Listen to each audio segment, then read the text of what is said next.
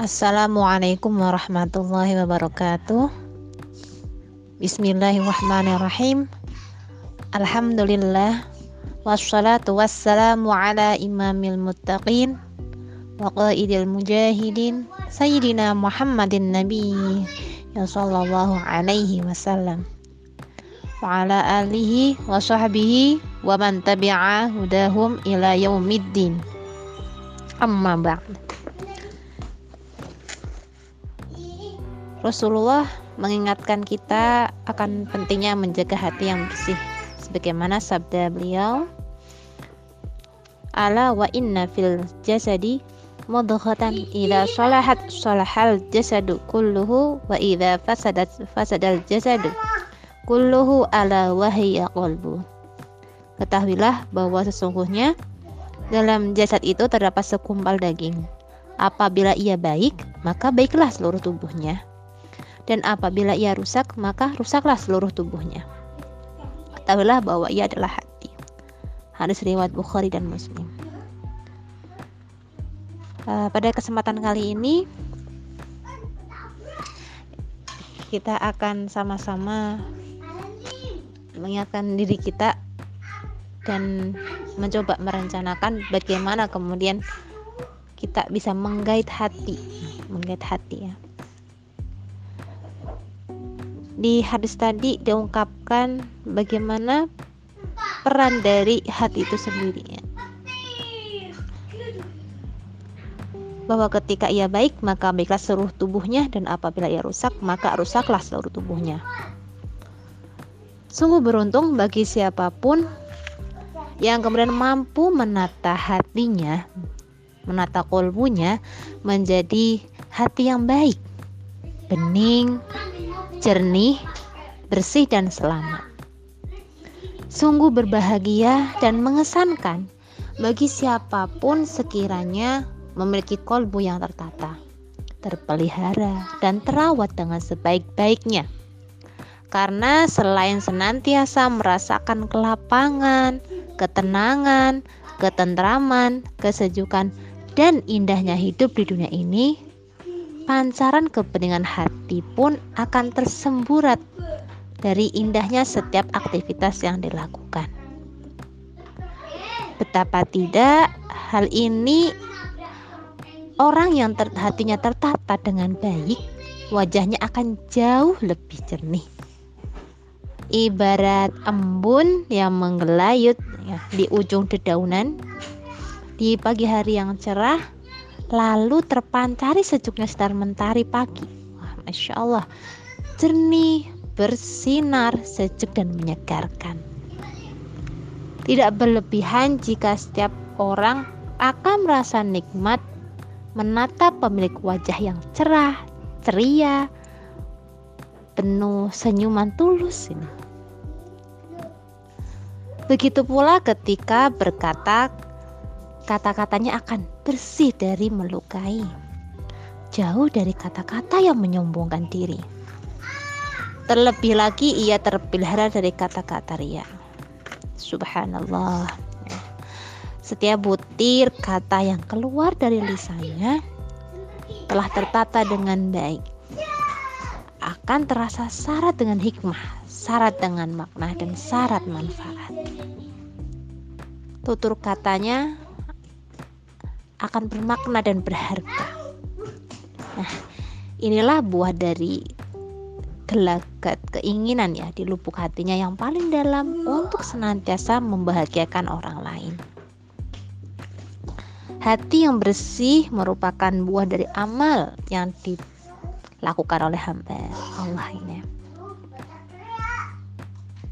Bakar bin Abdullah Al-Muzani seorang tabi'in mengungkapkan, jika kalian mendapati pada saudara kamu kekeringan, maka segeralah bertaubat kepada Allah. Karena sesungguhnya itu merupakan akibat dari dosa yang ia kerjakan. Dan apabila kalian mendapati dari mereka bertambah kasih sayang, yang demikian itu merupakan buah dari ketaatan, maka bersyukurlah kepada Allah. Ya. Orang yang bersih hati, akal pikirannya pun akan jauh lebih jernih. Baginya tidak ada waktu untuk berpikir jelek apalagi berpikir untuk mendolimi orang lain. Sama sekali tidak akan terlintas waktu baginya itu sangat berharga. Oleh karena itu mana mungkin ya sesuatu yang berharga digunakan untuk hal-hal yang tidak berharga? Gitu. karenanya dalam menjalani setiap waktu yang dilalui orang tersebut, ia akan pusatkan segala kemampuannya untuk menyelesaikan setiap tugas hidupnya. Tidak berlebihan, jika orang bersih hati seperti ini akan lebih mudah memahami setiap permasalahan, lebih mudah menyerap aneka pengetahuan, ya, ilmu pengetahuan, dan lebih cerdas dalam melakukan beragam kreativitas pemikiran. Subhanallah, bersih hati ternyata telah membuahkan uh, banyak solusi optimal dari kemampuan akal pikirannya. Dan bersih hati ini akan terindikasi menjadi indik mengurangi dan menghindari uh, karakter atau sifat ataupun sikap uh, sum, bersumbu pendek gitu kan artinya langsung reaktif dan terhadap sesuatu masalah yang dihadapinya tanpa kemudian berpikir panjang dengan disikapi dengan bijak. Kesehatan tubuh pun akan terpancar ya dari kepentingan hati. Karena ini merupakan buah dari kemampuan kolbunya dan menata menata kolbunya. Karena ketika hati tertata, kemudian pikirannya tenang, ya tubuhnya akan menjadi sehat. Dan tak berlebihan jika tubuh pun akan menjadi lebih sehat ya. Lebih segar dan lebih fit nih. Gitu. sehingga dengan sehatnya tubuh ini akan memungkinkan juga untuk berbuat lebih banyak kebaikan. Nah, hati yang bersih ini ini kan akan banyak sekali manfaatnya tidak mengherankan ketika orang yang berhati bersih ini akan menjalin hubungan dengan sesama manusia itu menjadi sesuatu yang sangat mengesankan. Hati yang bersih akan menaklukkan hati orang lain dan itulah akan menjadi wasilah atau sarana kebaikan kita sebelum menaklukkan hati orang lain. Abbas Asisi mengatakan kasbul qulubi muqaddamun ala kasbil uquli menaklukkan hati lebih didahulukan sebelum menaklukkan akalnya. Hati yang bersih ini ibarat magnet ya yang dapat menarik benda-benda di sekitarnya. Akan terpancar darinya itu akhlak yang indah mempesona, rendah hati dan penuh dengan kesantunan. Siapa pun yang berjumpa akan merasakan kesan yang mendalam siapa pun yang bertemu akan memperoleh aneka manfaat kebaikan. Bahkan ketika berpisah sekalipun orang seperti ini menjadi buah kenangan yang tidak mudah dilupakan. Ya. Dalam sebuah hadis al arwahu junudun mujannadatun fama ta'arufa minha talafa wa ma tanakara minha ikhtalafa Ruh-ruh itu bagaikan prajurit yang selalu bersiap siaga. Maka siapa yang mengenalnya ia akan bersatu dan jika tidak mengenalnya akan berpecah. Hadis riwayat Bukhari Muslim. Subhanallah, lebih dari semua itu, kebersihan hati ternyata dapat membuat hubungan dengan Allah menjadi luar biasa manfaatnya.